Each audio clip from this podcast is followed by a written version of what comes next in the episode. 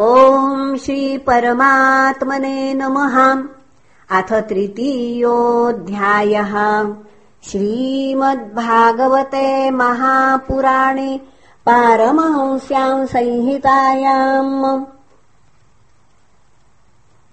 पुनः श्रीपद्मपुराणे उत्तरखण्डे श्रीमद्भागवतमाहात्म्ये कुमारनारदसंवादो नाम तृतीयोऽध्यायः। नारद उवाच ज्ञानयज्ञम् करिष्यामि। शुकशास्त्रकथोज्ज्वलम्। भक्तिज्ञानविरागाणाम् स्थापनार्थम् प्रयत्नतः। कुत्र कार्यो मया यज्ञः? स्थलम् तद्वाच्यतामिहोम्। महिमा शुकशास्त्रस्य वक्तव्यो वेदपारगैः। कियद्भिर्दिवसैः श्राव्या श्रीमद्भागवती कथा। को विधिस्तत्र कर्तव्यो? ममेदम् ब्रुवतामितः। कुमारा ऊचुः। शृणुनारदवक्षामो विनम्राय विवेकिने गङ्गाद्वारसमीपे तु तटमानन्दकानामकम्। नानाऋषिगणैर्जुष्टम् देवसिद्धनिषेवितम् नानातरुलताकीर्णम् नवकोमलवालुकम् रम्यमेकान्तदेशस्थम् हेमपद्मसुसौरभम् यत्समीपस्थजीवानाम् वैरम् चेतसि न स्थितम्।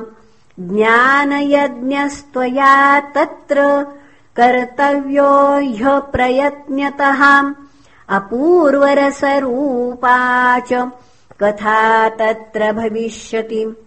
पुरस्थम् निर्बलम् चैव जराजीर्णकलेवरम् तद्वयम् च पुरस्कृत्य भक्तिस्तत्रागमिष्यति।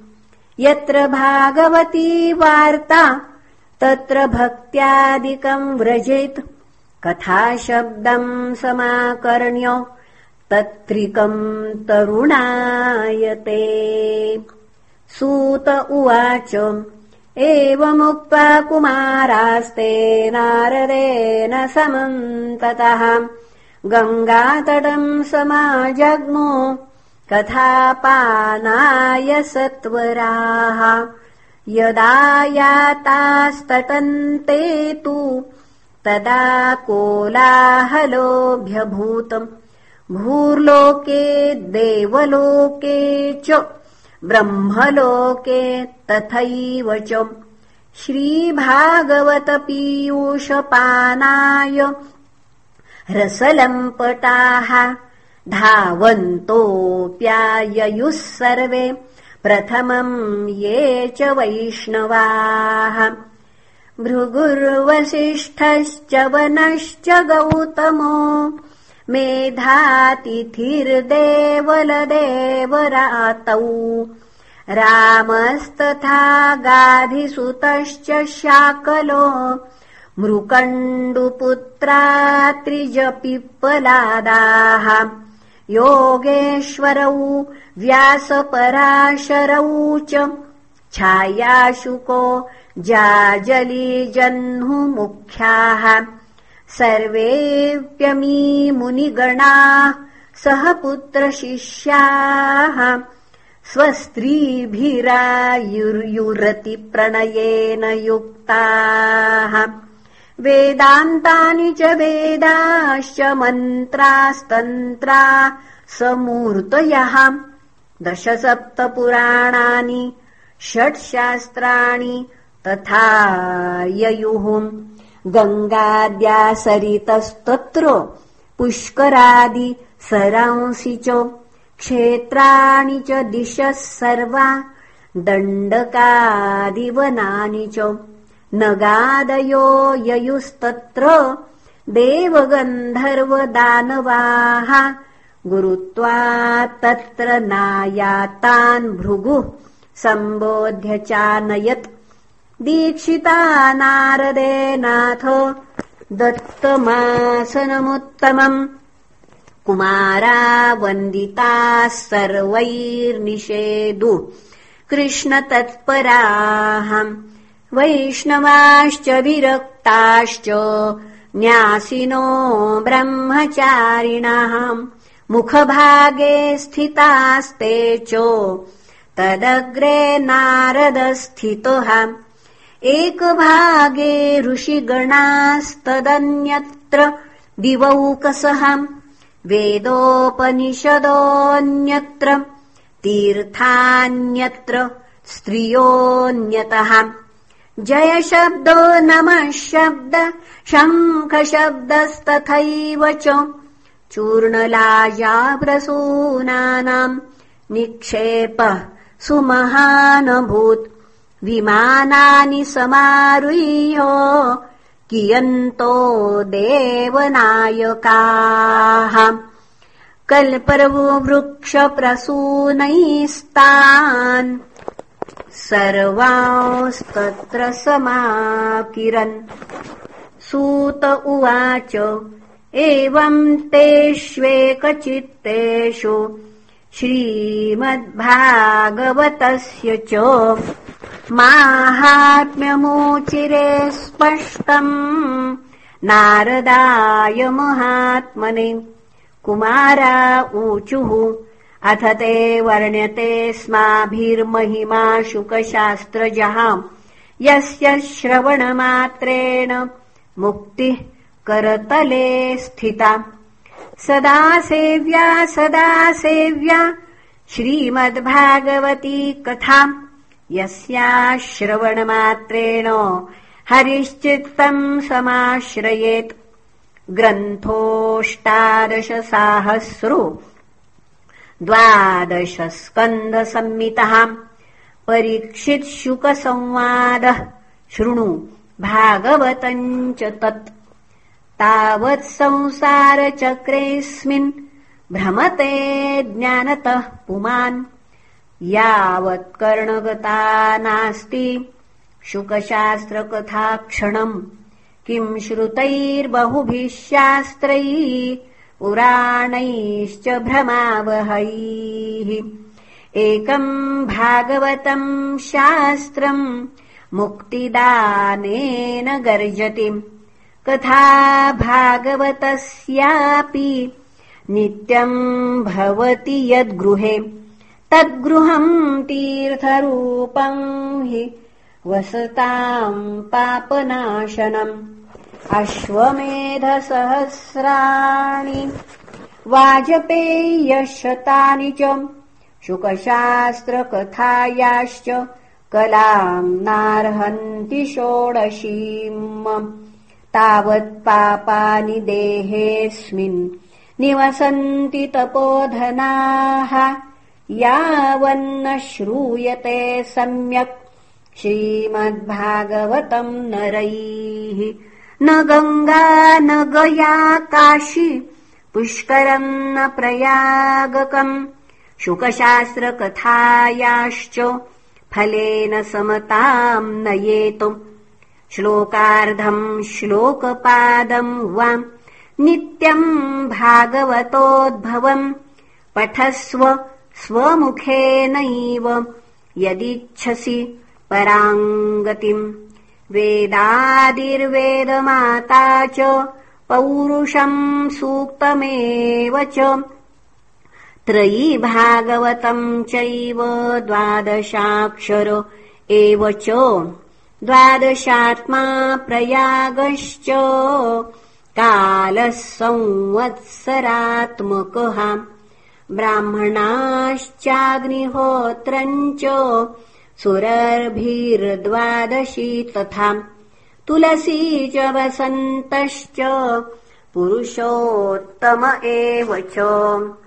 एतेषाम् तत्त्वतः प्राज्ञैर्न पृथग्भाव इष्यते। यश्च भागवतम् शास्त्रम् वाचयेदर्थतो निशम् जन्मकोटिकृतम् पापम् नश्यते नात्र संशयः। श्लोकार्धम् श्लोकपादम् वा पठेद्भागवतम् च यः नित्यम् पुण्यमवाप्नोति राजसूयाश्वमेधयोः। उक्तम् भागवतम् नित्यम् कृतम् च हरिचिन्तनम् तुलसीपोषणम् चैव धेनूनाम् सेवनम् समम्।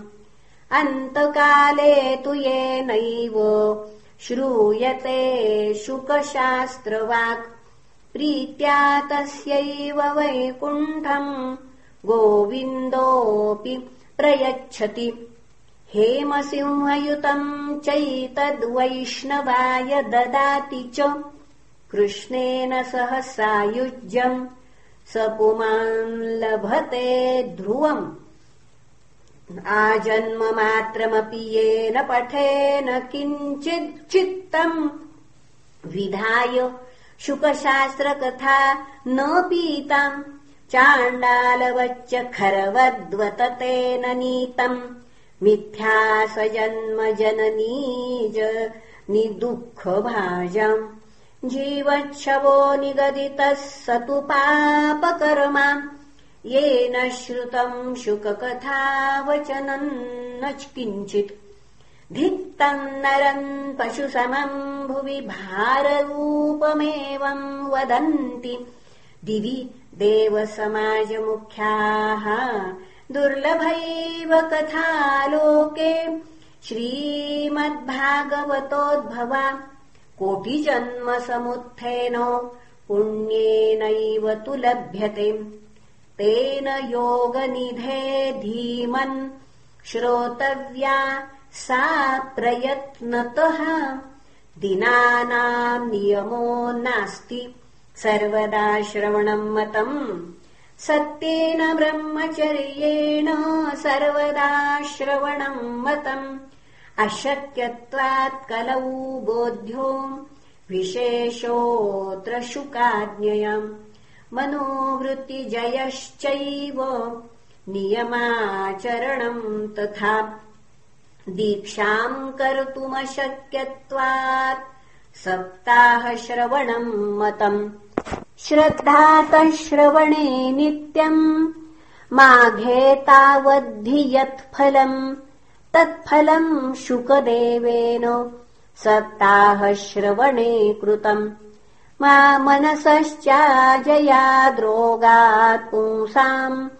चैवायुषक्षयात् कलेर्दोषबहुत्वाच्च सप्ताहश्रवणम् मतम्। यत्फलम् नास्ति तपसा न योगेन समाधिनाम्। अनायासेन तत्सर्वम् सप्ताहश्रवणे लभेत। यज्ञाद्गर्जति सप्ताह सप्ताहो गर्जति व्रतात् तपसो गर्जति प्रोच्चैस्तीर्थान्नित्यम् हि गर्जति। योगाद्गर्जति सप्ताहो ध्यानाज्ञानाच्च गर्जति।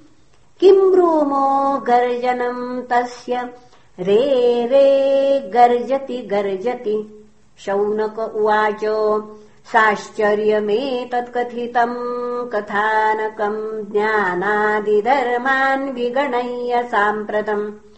निःश्रयसे भागवतम् पुराणम् जातम् कुतो योगविदादिसूचकम्। सूत उवाच यदा कृष्णो धरान् त्यक्त्वा सपदम् गन्तुमुद्यतः एकादशम् परिश्रुत्याप्युद्धवो वाक्यमब्रवीत। उद्धव उवाच त्वम् तु यास्यसि गोविन्दभक्तकार्यम् विधाय च। मच्चित्ते महती चिन्ता ताम् श्रुत्वा सुखमावह। आगतोऽयम् कलिर्घोरो भविष्यन्ति पुनः खलाः। तत्सङ्गेनैव सन्तोऽपि गमिष्यन्त्युग्रताम् यदा। तदा भारवती भूमिर्गोरूपेय कमाश्रयेत्। अन्यो न दृश्यते त्राताम् त्वत्तः कमललोचन। अतः सत्सुदयाम् कृत्वा भक्तवत्सल माव्रज भक्तार्थम् सगुणो जातो निराकारोऽपि चिन्मयः। तद्वियोगेन ते भक्ताः कथम् स्थास्यन्ति भूतले। निर्गुणोपासने कष्टमतः किञ्चिद्विचारय इत्युद्धववच श्रुत्वा प्रभासे चिन्तयद्धरिः भक्तावलम्बनार्थाय किम् विधेयम् मयेति च? पुनः किम् विधेयम् मयेति च? स्वकीयम् यद्भवेत्तेजस्तच्च भागवते दधात् तिरोधाय प्रविष्टोऽयम् श्रीमद्भागवतार्णवम् तेनैयम् वाङ्मयी मूर्ति प्रत्यक्षा वर्तते हरेः। सेवनात् श्रवणात् पाठात् दर्शनात् पापनाशिनी सप्ताहश्रवणम् तेन सर्वेभ्योऽप्यधिकम् कृतम् साधनानि तिरस्कृत्य कलौ धर्मोऽयमीरितः दुःखदारिद्रदौर्भाग्य पापप्रक्षालनाय च कामक्रोधजयार्थम् हि कलौ धर्मोऽयमीरितः अन्यथा वैष्णवी माया देवैरपि सुदुस्त्यजा कथम् त्याज्या भवेत् पुंभिः सप्ताहोतः प्रकीर्तितः सूत उवाच एवम् नगाः श्रवणोरुधर्मे प्रकाश्यमाने ऋषिभिः सभायाम्। आश्चर्यमेकम् समभूत्तदानीम् तदुच्यते संशृणुशौनकत्वम् भक्तिः सुतौ तौ तरुणौ गृहीत्वा प्रेमैकरूपा सहसा विरासीत। श्रीकृष्ण गोविन्द हरे मुरारे नाथेति नामानि मुहुर्वदन्ति।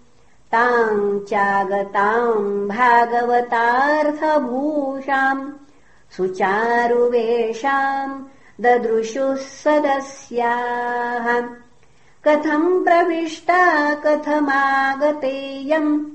मध्ये मुनीनामिति तर्कयन्तः।